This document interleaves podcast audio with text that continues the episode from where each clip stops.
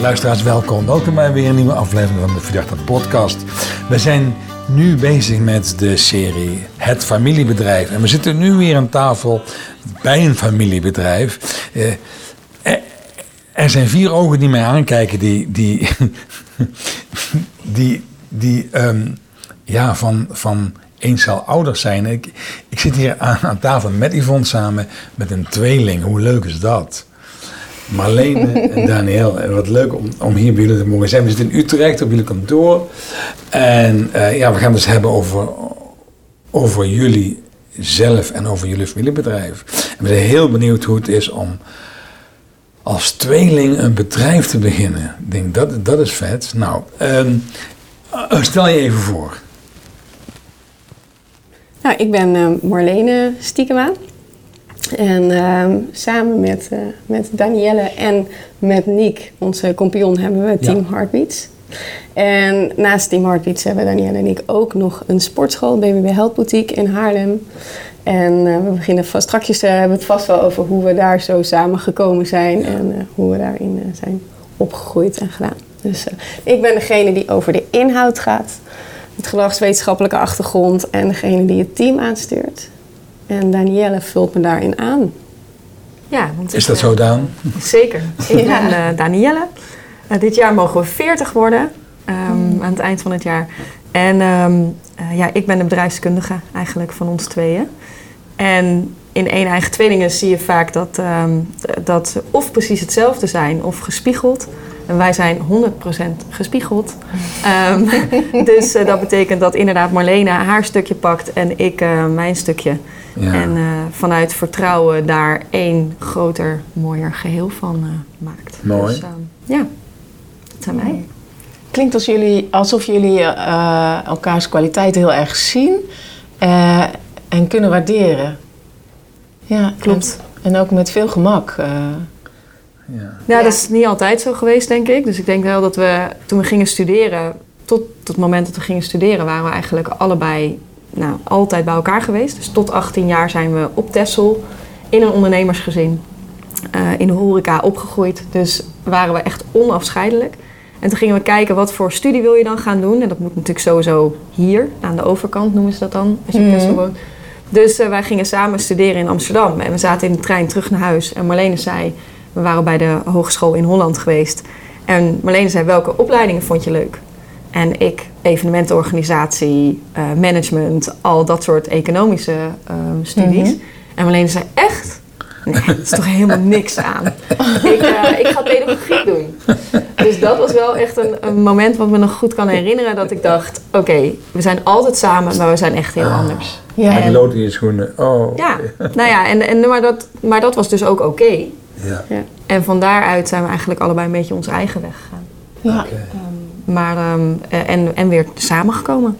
Ja, want dat vind ik ook wel mooi van tweelingen. Het wordt altijd heel erg op de basisschool en de middelbare school...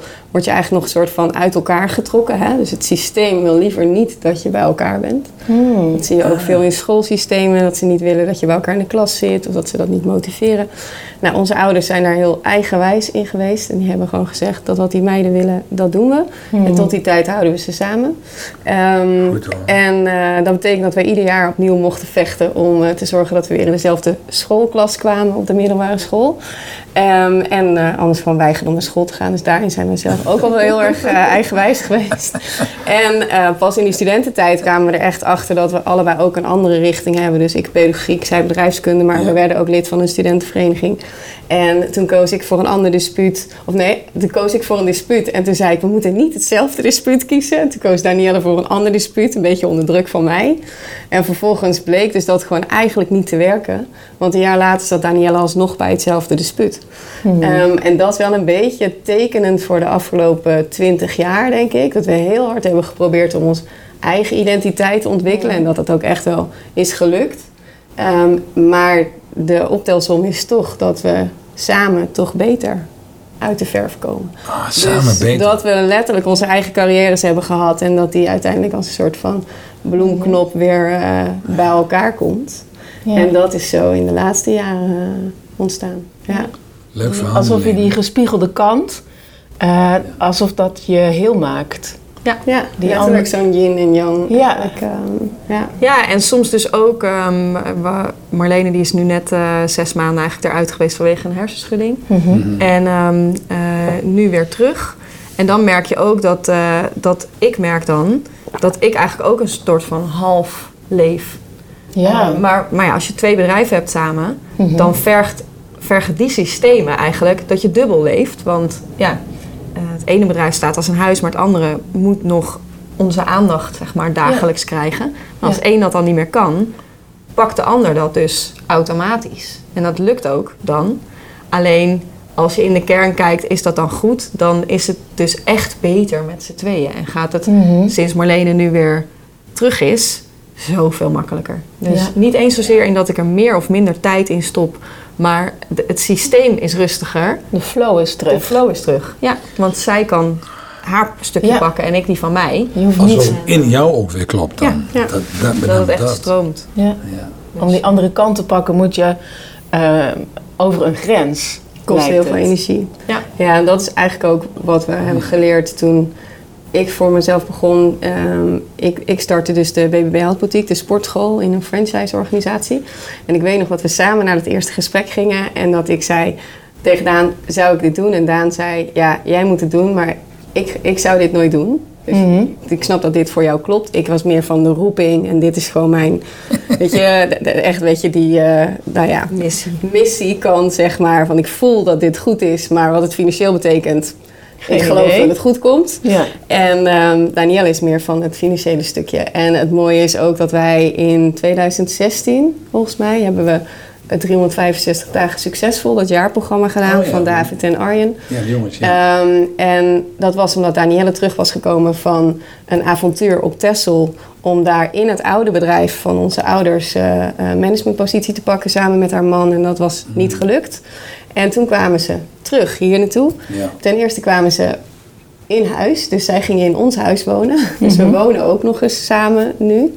Ehm, en van daaruit zijn we gaan onderzoeken wat is er dan wel. En ik weet het moment nog dat we samen het bos uitkwamen en dat ik tegen Daan zei: Ik weet het antwoord. Wij moeten dit gewoon samen doen, die sportschool.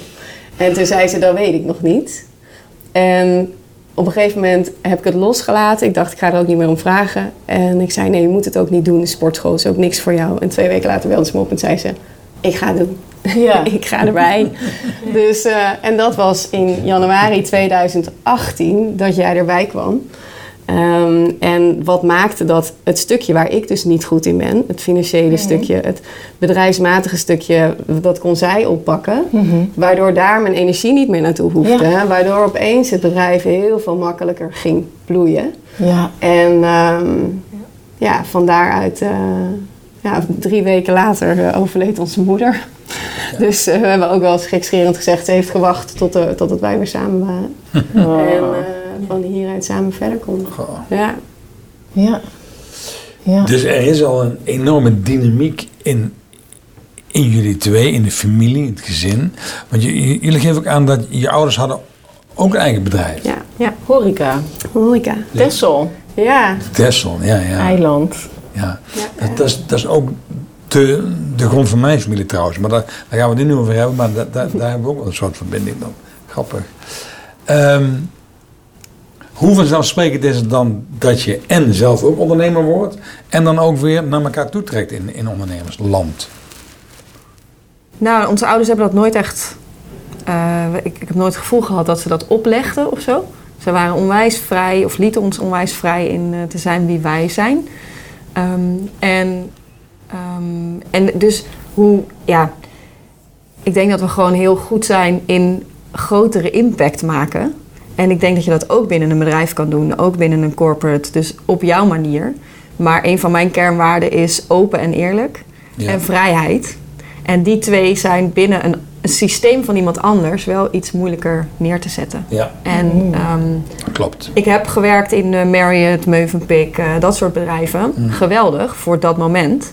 Ehm, alleen ik merk dat met hetgeen wat we nu aan het neerzetten zijn, er voor mij, mijn missie, dus mensen in beweging brengen, in de breedste zin van het woord, dat gaat gewoon makkelijker. Ja. Als het eh, is zoals, echt vanuit het diepste is zoals jij het eh, de wereld ziet en waardeert. En volgens onze waarden en normen. En ehm, ja, Ja, en ik, en ik ben letterlijk onderuit gegaan in het systeem. Dus ik heb jarenlang in de jeugdzorg gewerkt. Mhm. In tehuizen, in, eh, als gezinsvoogd. En ehm, nou ja, dat systeem is, eh, nou ja, even los van dat de zorg als gezinsvoogd natuurlijk zo, het is een, een heftig beroep. Mhm. Maar ehm, dat is wel gewoon ook zo'n dynamiek. Je, je bent gezinsvoogd, ik was gezinsvoogd om dat kind te helpen en die ouders te helpen. Ja. Maar uiteindelijk gaat het om geld.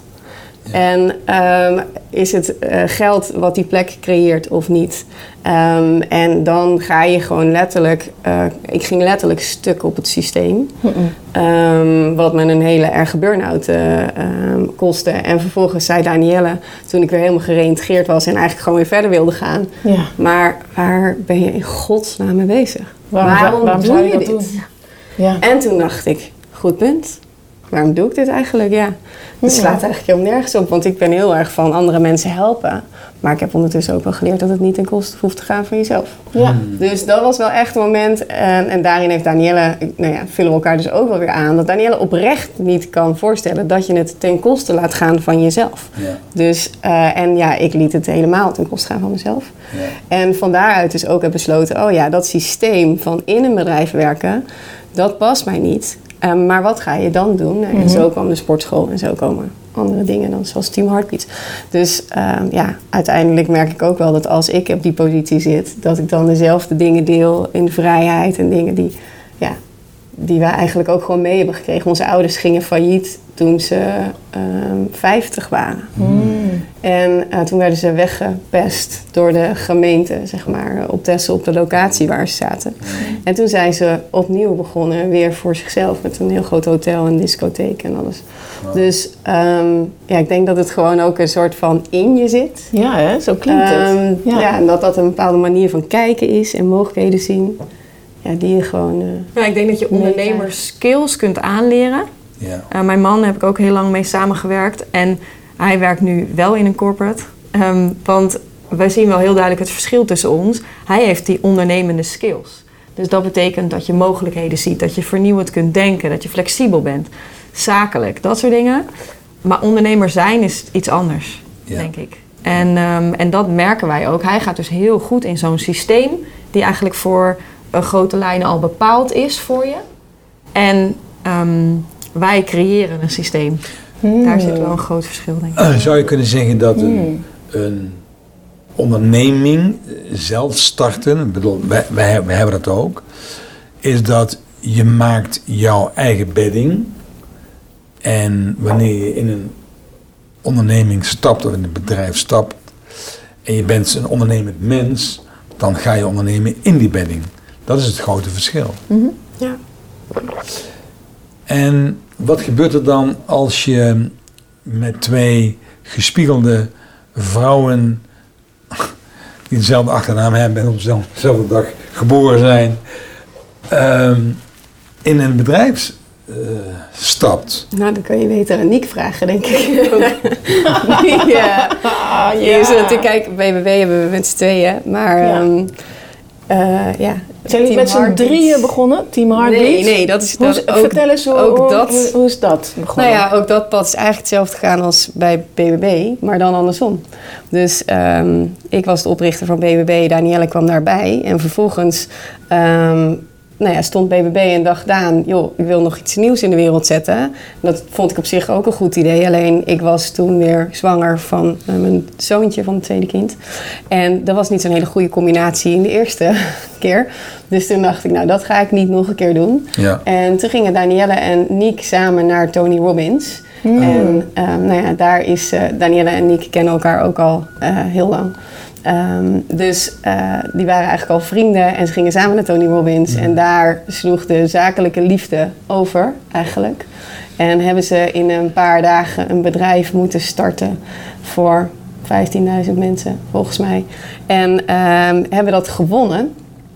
En dat was het moment dat Binnen die cursus binnen die was cursus een soort challenge. Ja. Het was een challenge van, eh, je, hebt, ehm, je had een limonadestand, super succesvol bedrijf. En vanaf morgen is het overal ter wereld verboden om limonade te verkopen. Oh, dat doet En wat ga je dan doen? Klopt, ja. En dat kreeg je te horen maandagavond aan het eind van de eerste dag... na 16 uur in een ijskoude AFAS eh, te zitten... terwijl het buiten 35 graden was. Hmm. En toen zaten we met een paar mensen bij elkaar. We zaten, met, eh, eh, alle, we zaten in het hoekje van de mensen met een handicap. Mhm.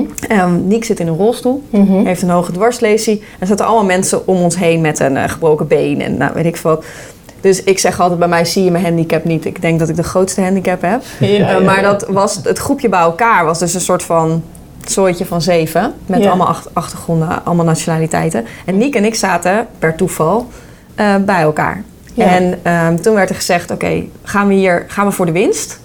Want wie heeft uiteindelijk het meest succesvolle bedrijf in zo'n business mastery? Of doen we niet mee? Want er zit niks tussen. Ja. een van onze teamgenoten. Nou, Ja. en dan moet je tegen mij zeggen, lichtelijk competitief ingesteld. We gaan voor de winst. Dus die nacht eh, bedacht ik heartbeats. Omdat we net een oefening hadden gehad hoe je van je hoofd naar je hart gaat. Mhm. En dat vond ik zo mooi dat ik dacht, daar moeten we wat mee. En nou ja, da- dagen daarna dachten wij dat de rest net zo fanatiek bezig was als wij. Met het neerzetten van een marketingplan en uh, Mhm, alles. mhm. Bleek toch minder. Ja. Ehm, en na vijf dagen stonden wij op het podium als het meest succesvolle bedrijf, terwijl er allemaal miljonairs waren. En waarom? Omdat wij niet per se de hoogste omzet hadden. Of de beste website, maar we hadden en een website, en Instagram volgers, en, en, en. Mhm. Geleid door mij. Ehm, want ik ben de generalist, die bedrijfskundige, die iedereen op de juiste plek kan zetten Mhm. en kan aansturen. En ik kan het zelf niet, want ik ben niet die specialist in marketing. Maar we hadden een hele goede marketingdame. En zo kun je dus het meest succesvolle bedrijf bouwen. En Ja. dat wilden ze natuurlijk als voorbeeld voor, eh, voor geven. Dus wij stonden daar te hossen op een podium. En ehm, dat zal ik nooit meer vergeten, want het was echt heel indrukwekkend. Ja. En daar kwamen we uit en toen zei ik tegen Niek, ja, dit is toch gewoon goud wat we in handen hebben. Zonde Ja. als we hier niet een echt bedrijf van maken. Dus Ja. dat is eigenlijk waar Het is heel fictief geboren begonnen. En wel gelijk Marlene en nog een aantal andere mensen aangesloten van... we moeten dus een team hebben, want ik ben niet die specialist. Dus we moeten die gedragswetenschapper aanhaken en Ja. zorgen dat het daar eh, ontstaat. En dat was in 2019. En toen kwam corona gelijk. Oh ja. Ehm, dus we zijn daar vooral gaan bouwen en online programma's gaan maken, et cetera. Ja. En eigenlijk nu sinds twee jaar is het echt gewoon up and running. Dus En Maar uiteindelijk kwamen we op natuurlijk hoe, je, hoe je daarin start. Ik kwam een soort van, ik, ik leunde een beetje mee als onderdeel van het team, maar niet als eigenaar. Mhm. En toen ehm, was eh, Victor geboren en ik weer terug een up and running. En toen dacht ik, ik kan helemaal geen onderdeel van het team zijn. Ik kan echt alleen maar eigenaar zijn. Mhm. En eh, op precies diezelfde dag had ik zei tegen Daan, dit werkt niet meer voor mij op deze manier. En Niek zei tegen Daan, ik, ik denk dat ik te veel op mijn bordje heb en dat ik iets kwijt wil. Nou, toen zei Daan, ik denk dat we de oplossing hebben. Ja. We vroegen het eh, Oh. samen. Dus Ja. Eh, Magic moments. maar Niek, we begonnen Ja. met of, of je Niek nou zo... eh, we zijn we hebben er wel voor gekozen dat Danielle en Niek 50% het beslissingsrecht Ja. ehm, behouden. Ja. Omdat wij ook wel doorhebben dat je niet naast een tweeling ehm, Mhm. wilt komen te staan... dan wel tegenover een tweeling Nee. komen te zijn. Wij hebben daar een keer een hele mooie opstelling eh, Zeker. over gedaan.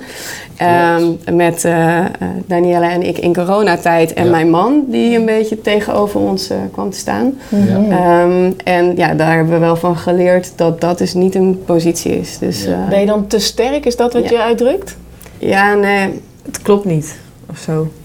Want, wa- want welke positie heeft diegene dan? ehm, Die geen familie is. Ja, nou, en, de- En geen die geen familie is, geen tweeling. Eh, Dus je wint het dan nooit, zeg maar. En als je dan ook een minderheidsaandeel hebt, Ja. want dat zou het in ons geval zijn. Ja. Ik heb 50%, ehm eh, Marlene 20 en Niek 30. Dus daarin is het gewoon heel simpel nu. 50-50 voor Niek en mij. En de rest van het vertrouwen zit in mij Ja. dat Marlene wel vertegenwoordigd wordt, zeg maar. Ehm, en dan kan je dus ook nog echt keuzes maken en verder groeien. En door. Want eh, het kan ook betekenen dat als je wel op, op welk moment dan ook bijvoorbeeld Niek niet meer onderdeel zou willen zijn, dan wil je er ook uit kunnen. En een eventuele nieuwe partner daarnaast kunnen zetten als Ja. je dat zou willen op dat moment.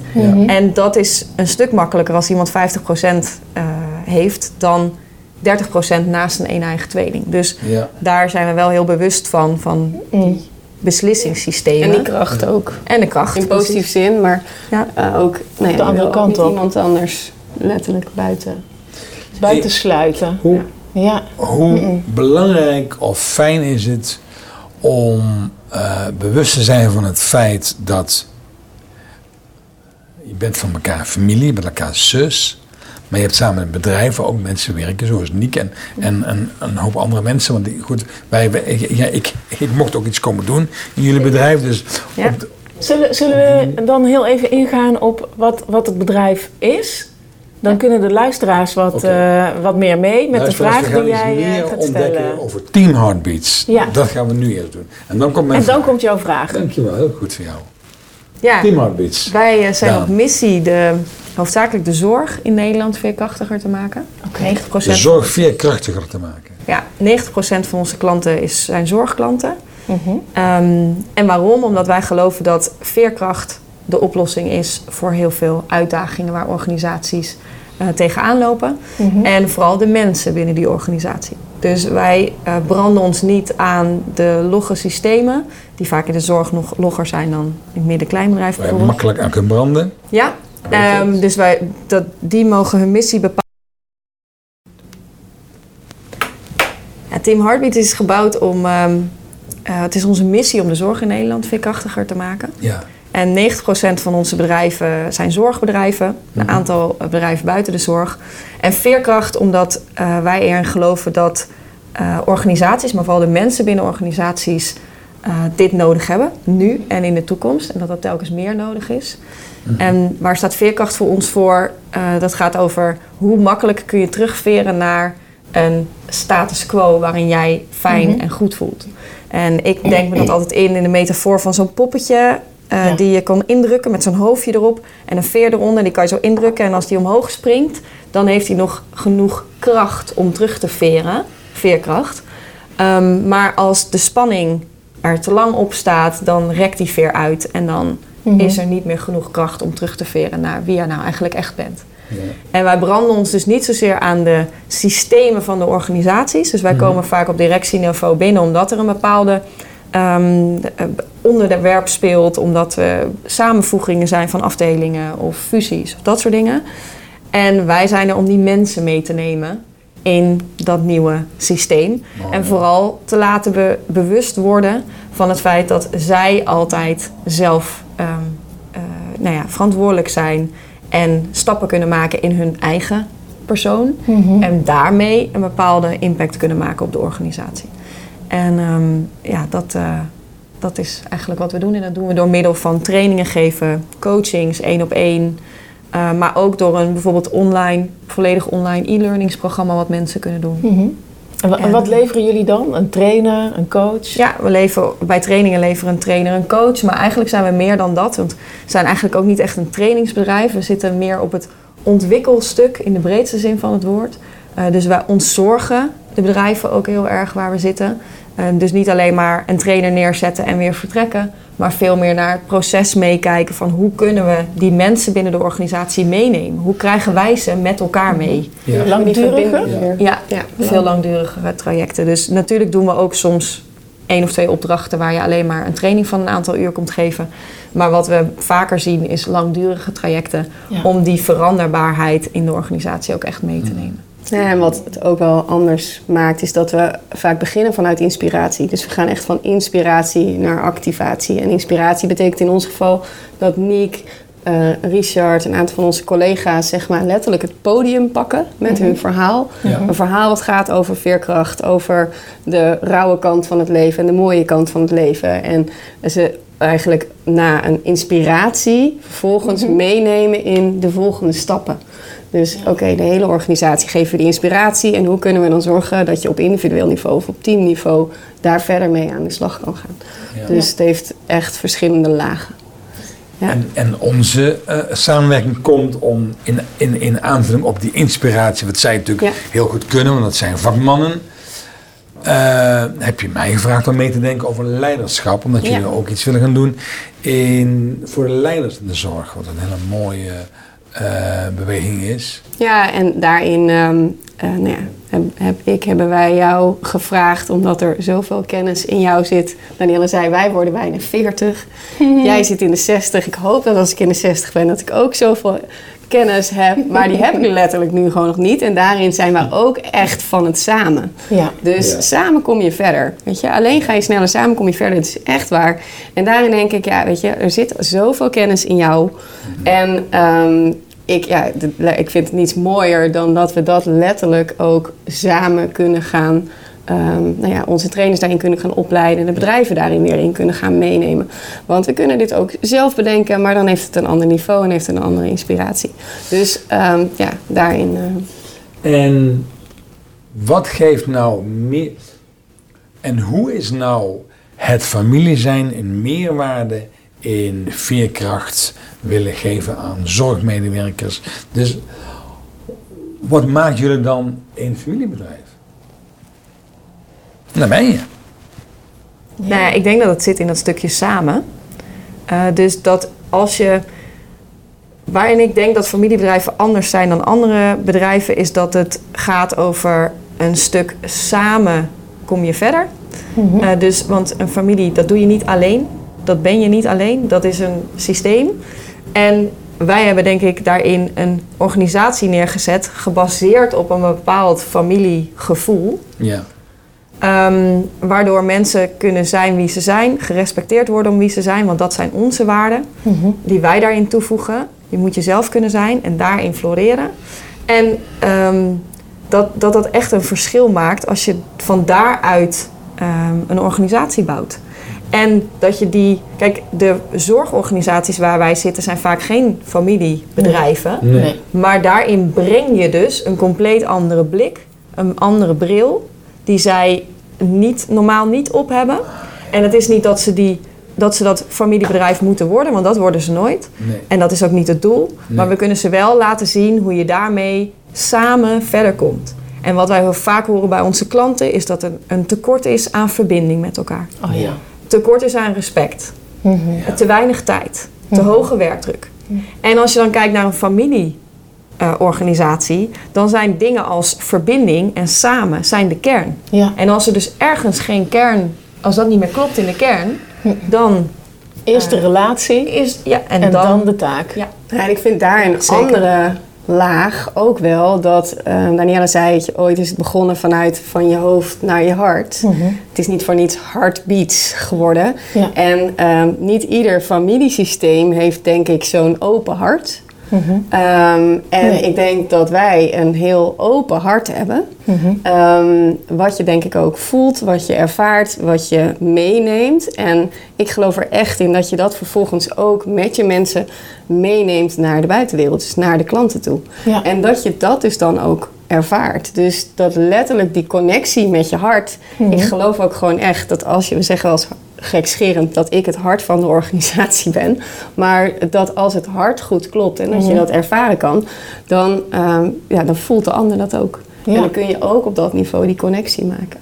En op alle niveaus daarboven. Dus weet je, het hoeft niet zo van hart tot hart te gaan. We kunnen ook op hoofdniveau instappen. Maar Ja. ik denk dat daar echt een, een We stappen vaak op hoofdniveau in. Ja, Ja. Eh, en dan Er zit heel veel we op. daarna- stappen op hoofdniveau in en we raken op hartniveau. Want als je kijkt Ja. naar de zorg, er is ook onderzoek gedaan. We hebben onderzoek gedaan met Integron begin dit jaar. Over hoe veerkrachtig is Nederland. Ja. En ehm, wij hebben dan vooral de zorg en het onderwijs. Dus zorg in de breedste zin van het woord. En dan zie je dat dit de meest veerkrachtige mensen zijn.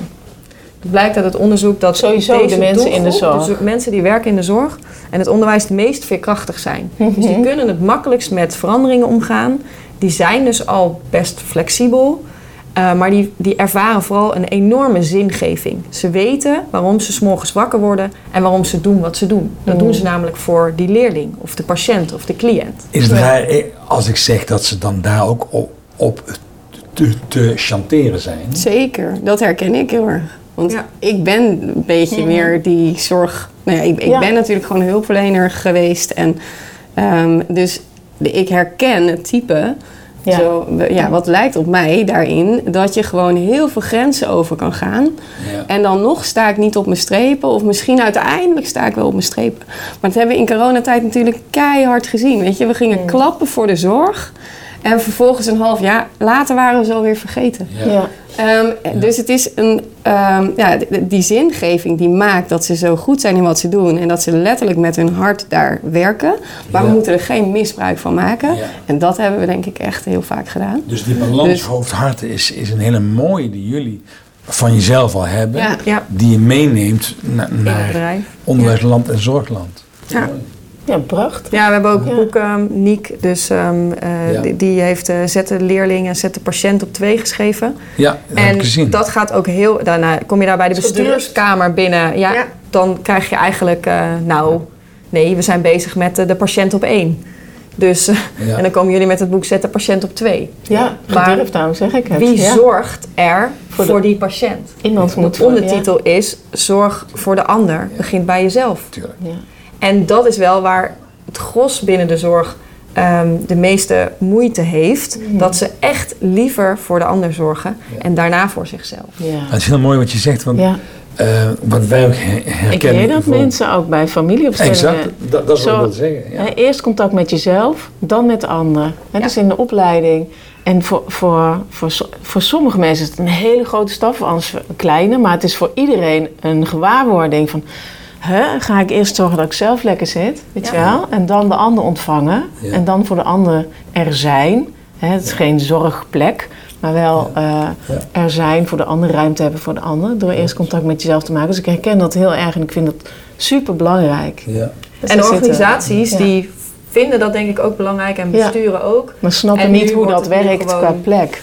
Nou, en het wordt nog belangrijker. Want de jonge zorgmedewerker die mm. duldt het gewoon niet meer dat je geen ontwikkeling krijgt. En 50% van de verpleegkundigen stopt na het eerste jaar. Hè?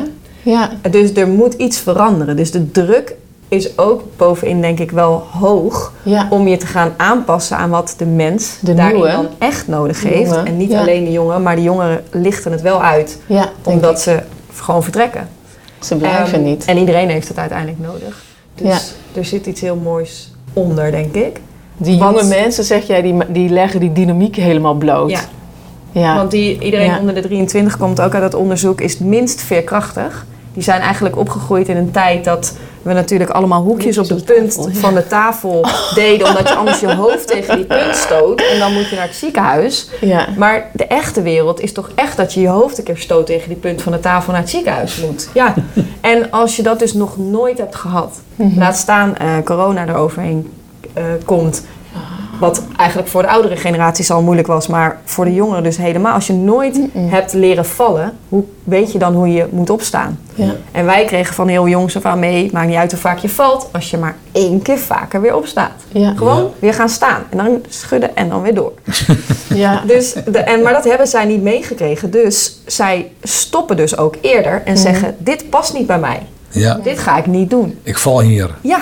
En wat hebben ze nodig? Iemand die ze één vinger alleen maar geeft om weer op te staan. Want het is niet dat ze de energie niet hebben of de wil niet hebben. Ze zien het alleen gewoon even niet. En willen heel graag die persoonlijke ontwikkeling, de waarde, toevoegen. Ze doen het niet voor die auto of het geld. Klinkt, klinkt alsof je zegt dat het gewoon niet gewired is in de hersenen. Nog niet, misschien. Als je zegt één vinger is voldoende om die nieuwe generatie weer te leren opstaan. Ja, en daarin, uh, ja, wij, wij zijn bijna 40. Maar ik had van de week een uh, gesprek met onze nieuwe stagiaires voor volgend jaar. Mm -hmm. En ik kan daar zo ontzettend veel van leren. Mm -hmm. Want zij gaan niet inderdaad voor die dikke auto of dat groot geld. Nee. Ze gaan helemaal vanuit Nijmegen en Arnhem en Deventer hier naartoe reizen. Omdat ze heel graag hier mm -hmm. bij ons willen horen en uh, waarde, willen toevoegen. waarde willen toevoegen. Betekenisvol willen zijn. Ja, ja. omdat het echt een verschil kan maken. Ja. En, uh, en dan komt er ook bij kijken dat het een speelse manier heeft. En dat hebben wij Team Heartbeats ook heel erg. Dus de jongens op kantoor, die hebben nerfpistooltjes en Mario Bros in de pauze. en allemaal dat soort dingen. Dus die zeggen dan tegen zo'n stagiair... je moet wel minimaal één keer per dag Mario Bros spelen. En we gaan elkaar ook beschieten. Vind je dan nog steeds leuk? En, maar dat is is wel, weet je, er zit een bepaalde luchtigheid in. Ehm, ja, waar wij gewoon weer heel veel van kunnen leren. Ja. Want ja, weet je, wij zouden dan zeggen, en we gaan weer door. Ja. Dus, Maar ik hoor je dus zeggen, Ja. wij zijn opgevoed met een open hart. Wij zijn opgevoed om te vallen en weer op te staan. Die waarden hebben we meegekregen. Wij zijn de andere kant van elkaar. We hebben eh, Nick naast ons als derde persoon die een enorme meerwaarde vanuit zijn inspiratie biedt. En die waarden vanuit ons leven, vanuit ons gezin, vanuit onze familie, vertalen we naar waarden die we gaan geven aan de mensen die het hardst nodig hebben in zorg en onderwijs. Dat is wat jullie doen. Ja. Ja. Mooi. niks aan toe te voegen. We hebben heel veel gehoord over eh, hoe, hoe jullie elkaar aanvullen. En dat lijkt me een enorm voordeel aan samenwerken. Tja. Wat is nou een nadeel? Hmm. Heb je ook nadelen aan het werken met je nabijste persoon die Dat is je de kent? schaduwkant om met je zus. Ja, nou ja, dat, eh, dat is wat ik volgens mij aan het begin benoemde. Van als het dan met één niet goed gaat, en helemaal als je een één eigen tweeling bent, Hmm. dan sta je nog dichter bij elkaar. We wonen dus ook in één huis, dus veel dichter bij elkaar komen we niet. Nee. Eh, dat als het dan met één van de twee niet goed gaat, dan gaat het met de ander tegelijkertijd ook minder. Minder. Alleen, daar is geen ruimte voor, want die organisatie moet wel blijven draaien. Ja. Dus eh, in ieder geval in de fase waar we nu in zitten. Dus Hmm. dat is wel echt een schaduwkant. Want het is niet dat je gewoon hop alles over de schutting gooit bij je collega. Nee. eh, even een jaartje vrij neemt en daarna weer terugkomt. Of je ziek meldt. Dat is gewoon in de bredere zin van het woord. Nou dan. Ja, de- nou ja, dat, de, wat, dat betekent gelijk iets voor de ander. Ja, dat is soms hou je rekening lastig. mee. Je wil nog steeds leven wat je, practice what you preach. Dus eerst voor jezelf zorgen, dan voor de ander zorgen. Mhm. Ehm, maar dat is wel lastig. Lastiger, denk ik, in een familiebedrijf. En hoe, hoe is het dan voor medewerkers om te landen in zo'n soort bedrijf? Wat wordt geleid door, eh, althans, eh, eh, twee derde van de leiding door familie. Nou, ik denk in, vaak heel fijn. En soms, ik, de, soms als wij met z'n tweeën op kantoor zitten en het even hard, wij, wij kunnen echt hard tegen hard gaan. Hmm. Eh, letterlijk en figuurlijk. Maar gewoon als we het niet met elkaar eens zijn, dan is het ook wel echt even Knallen. eh, knallen. Eh, maar dat kan omdat we die onvoorwaardelijke band eronder hebben liggen, waarvan we weten dat die gewoon blijft. Dus ja, zo direct als wij tegen elkaar zijn, zijn we natuurlijk tegen niemand anders. Mhm. Ehm, maar ik kan me ook wel voorstellen dat dat soms even is van wow. Nee, en, het zet, eh, en het zet een standaard neer. Ja. Wij noemen dat, binnen het bedrijf noemen we dat genadeloos liefdevol. Ja. Mhm. Dus, de- en dat is dus wel wat Die heb ik deze week horen uitspreken door iemand. Ja. En ik, ik, ik denk, eh, waar, waar komt dat nou vandaan? Nu Van, van Niek. Van- ja, en dat je dus de, dat je het lef hebt eh, om eerlijk te zijn. Hmm. En, eh, en dat dat soms heel pijn doet, Ja. maar dat je er altijd uiteindelijk beter uitkomt. Ja. En, dat, eh, en dat is een van de, van de basisgrondbeginselen. Ehm, en daar kan je dan ook in floreren, denk ik. En wat ik mooi vind, is dat de mensen die langer met ons optrekken, ehm, dat ook terug doen. Dus dat ook gewoon kunnen zeggen van, hé, hey, eh, Sherry kan ook gewoon opbellen en zeggen, Marleen, ik hoor je en dit vind ik ervan. En ja, weet je, dat je, ook, dat je het ook gewoon niet eens mag zijn. En dat het dus veilig genoeg is om het niet eens te zijn met elkaar. En dat is in een, ehm, ja, weet je, we, zi- daarin zijn ook heel veel mensen nog nieuw bij onze organisatie. Dus ik- dan kan je dat denk ik nog niet van elkaar verwachten. Ja. Maar dat is wel waarom we heel veel investeren in samen tijd doorbrengen, verbinding leggen, eh, nachtjes weg met elkaar om op die manier te leren en, Ja. en elkaar beter te leren kennen. Om te zorgen dat die veiligheid ook gewoon eh, daarin komt. En tegelijkertijd merken we ook dat dat voor sommige mensen te heftig is. ja, ja, komt Dus dat dat sommige mensen, te, ja, dat het gewoon te dichtbij komt. Zoveel Ja. ehm, nou ja, Samen liefde, samen, al- nou ja, alles wat, eh, wat wij doen. delen. Ja, Ja. en dat, is, en dat moet ook oké kunnen zijn. Ja. Zeg maar. dat, Ja. dat- dus kunnen we zeg maar, samen uitvinden of het werkt.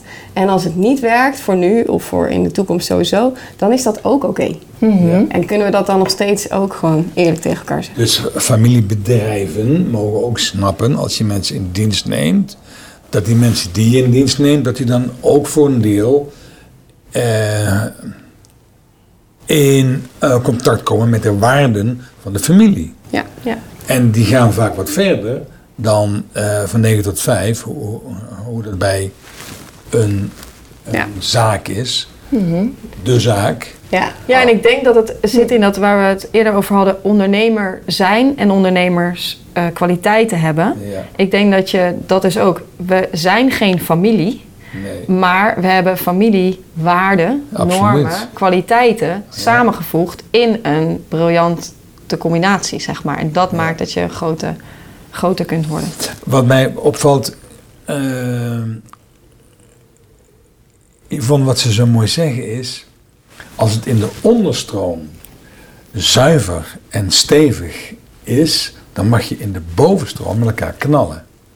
Wat ik heel vaak binnen organisaties zie is dat het in de onderstroom allerlei verborgen eh, dynamieken liggen die niet eh, eh, het daglicht kunnen verdragen. En in de bovenstroom doen we eh, een, een leuk en aardig. Dus ik, ik, ik on- ontdek hier wel ook een interessante omkering waar wij iets aan kunnen hebben als we eh, systemisch kijken naar eh, organisaties en families. En wij hebben wel ook heel, ik heb heel veel, ik heb natuurlijk ook bij jullie in de opleiding gezeten. En ik heb heel veel dingen gedaan in organisatie en familiewerk en therapieën. En Danielle bewust minder.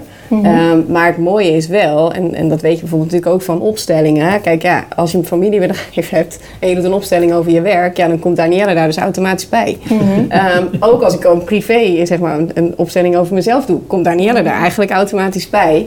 En ik denk wel dat het mooie is dat wij het daar ook letterlijk met elkaar over kunnen hebben. Dus Danielle gunt mij de ruimte om die diepte in te duiken. En allemaal dingen op de onderstroom te onderzoeken en, ehm, eh, en, en te laten oplossen. Ja. Ehm, en tegelijkertijd kunnen we het er wel samen over hebben. Dus kun, staat Danielle wel open voor wat daar dan ook gebeurt. Ja. Dat is denk ik wel een voorwaarde om Ah, het ook ja. te kunnen delen. Want ja, als zij zegt, wat jij er allemaal doet, eh, dat interesseert me helemaal niet en eh houdt van me weg. Ja. Ja, dan eh, krijg je natuurlijk een andere dynamiek. Nee, nee. Maar wat ik heel vaak zie is dat eh, vervuiling in de onderstroom heb je heel snel binnen organisaties. En, want er is altijd een ranking in een organisatie. Niet voor iedereen is de balans tussen eh, eh, eh, geven en nemen een, een, een, een, een optimale balans. Ehm, maar wanneer jullie dus in die onderstroom zuiverheid hebben, moet je daar ook tegen kunnen als je daar komt werken. Want eh, ik, ik, ik, ik, ik, ik heb ooit, ooit getraind voor een bedrijf waar ze zeiden: We hebben hier het WIS. Eh, zeg, "Wa- wat is het WIS? Het wandelgang informatiesysteem. En eh, met andere woorden, roddelen heel veel over elkaar. En dan moest ik om lachen, zo van: eh, informatie gaat hier door het WIS heen. Door het wandelgang informatiesysteem. En ik moest om lachen dat hij dat zei. Denk, ja, er wordt hier geluld over elkaar, niet normaal. Maar in vergaderingen komt niks op tafel. En ik, dus een familiebedrijf die gewend is om elkaar dingen te vertellen, dat geeft dus een andere dynamiek voor mensen die niet horen bij de familie. Dat, dat, dat, dat haal ik wel mooi. Nou ja, en daar zit denk ik ook weer een stukje lef. Van, heb je het lef om ook ehm, te kritisch te blijven kijken naar wat gebeurt er in mijn organisatie? Wat zijn de, want ik hoop dat mensen eerlijk en transparant over ons zijn en naar ons zijn. Ja. Eh, wij weten ook niet wat er over ons wordt gezegd achter onze rug om. Ja. Ehm, maar ik hoop dat mensen, eh, dat onze team, teams dat gewoon naar ons terugkoppelen. Maar je moet ook continu blijven afvragen, maar waar zijn we zelf nou eigenlijk mee bezig? Hoe zitten wij met z'n drieën nog op een lijn? En ik denk dat dat wel iets is wat we alle drie heel belangrijk vinden. Dat we daar ook gewoon naar mogen blijven kijken. Ja. En steeds een nieuwe laag in mogen ontdekken. En dan vervolgens krijg je dat natuurlijk ook in de organisatie. Ja. Ja. Jullie zorgen ervoor dat je eigen onderstroom eh, steeds eh, opgeschoond eh, Ho- wordt. Hopelijk zo Ja, zuiver mogelijk blijft. Je Ja. kan het je eigenlijk niet veroordelen met je eh, waarden en normen en, en wat je wilt brengen de wereld in, eh, om het niet te doen. Zo. Om om er niet naar te kijken. Nee. Nee. nee. Ja, en het en- past gelukkig heel goed bij elkaar binnen dit bedrijf. En jullie passen ook goed bij elkaar. Precies. Ja. En fijn. je verkoopt geen chips of aardappelen, maar je verkoopt eh, waarden. Ja. En ja, dat geldt voor ons ook. En als je daar dan niet mee aligned bent, ja, dan eh, verkoop je het niet meer. Practice what you preach, hè? Het- We lopen een beetje naar... eh, We gaan naar de laatste vraag hiervan. Want eh, jullie hebben kinderen, hè? En stel dat, dat ze opgroeien. En stel dat ze dan later... Gaan ze doen. Ja, ze gaan opgroeien. Ja. Ze gaan zeker Ze groeien al opgroeien. samen op. Ja. Ze groeien al samen op. En stel dat ze interesse krijgen in wat jullie samen hebben opgebouwd. En Ja. ze willen het op, o- o- overnemen. Hoe ziet eh, eh, Team Heartbeats eruit over eh 20 jaar? jaar. En, maar stel ze willen het Ja. overnemen. Hoe sta je tegenover dat ze het zouden willen overnemen? Ja, als ze dat, als ze dat Als ze het zelf in hun willen, diepste ja. van hun kern zouden willen, dan doen we het. Maar daar begint het. Is dat, is, is dat ook je trots, je verlangen? Nee. Nee, dat is het overnemen. Dat niet. Nee, dit, eh, dit Nee, wordt ook en niet... ik denk dat, dat, dat we dat ook weer hebben meegekregen. Dus onze vader had natuurlijk het liefst gezien dat we wel het hotel hadden overgenomen en daar verder in waren gegaan. Maar dat dat niet zo is. ehm, ja, uiteindelijk is het belangrijker dat je je eigen potentieel leeft.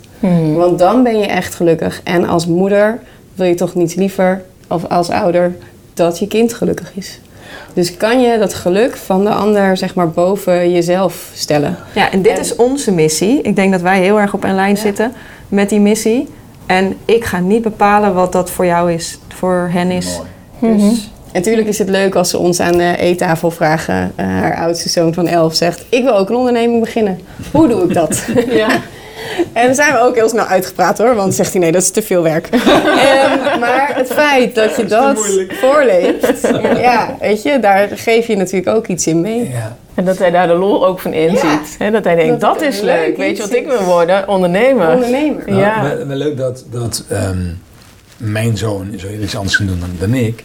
En wij hebben ook eh, gesprekken gevoerd met andere bedrijven in deze serie. En daar waar bedrijven een eigen locatie hebben, een, een eigen hal waar dingen worden gemaakt of verkocht, gaan de, de kinderen in die hal komen en die gaan vanzelf meemaken of mee verkopen. En dat hebben, we, dat hebben jullie in je vak en wij in, in ons vak natuurlijk niet. Nee. Du- Dus mijn zoon heeft een soort abstract idee wat ik doe, Ja. maar, maar, maar die ziet niet wat, wat ik maak, omdat er geen hal is waar ik maak. product. Nee. Nee. Precies. Nee, En bij de sportschool hebben we dat nog iets meer, want daar gaan we Ja. natuurlijk met ze spelen. Ja. Daar gaan ze ook. eh, Ja. En het is alleen voor vrouwen, dus alleen mijn dochtertje zou dan ooit daar wel kunnen gaan werken. Maar het- daar hebben ze natuurlijk iets meer beeld Ja. bij. Ja. Eh, maar bij dit, is- dit is natuurlijk heel eh, abstract. Ja. Nou, we zitten aan het eind hiervan. We zijn, we zijn een beetje door, door ons gesprek heen. Ehm, Nou, volgens mij, he- jullie hebben nog heel veel te vertellen. zeker. En eh, het- ik vind het ook super interessant om naar jullie te luisteren. Maar we, we spreken gewoon altijd een bepaalde tijd af. En dit, Ja. is, dit is de tijd, dus we ronden het hier gewoon af. Ja. Ja. Heel goed. We hebben heel graag naar jullie eh, geluisterd. Bedankt. En, Dankjewel. Dank voor de uitnodiging. En een hele fijne verjaardag als jullie straks 40 worden. Dus Gaat lukken. dus het is een andere keer dat gaat dus lukken. wel- Ja. Nou ja, dankjewel Daniel, dankjewel Marlene. En luisteraars, dit was weer een aflevering in de serie Het Familiebedrijf in de Verdachte Podcast. En tot de volgende aflevering. With a little luck, we might just catch a tailwind. Hey, fellow traveler, keep traveling, keep traveling.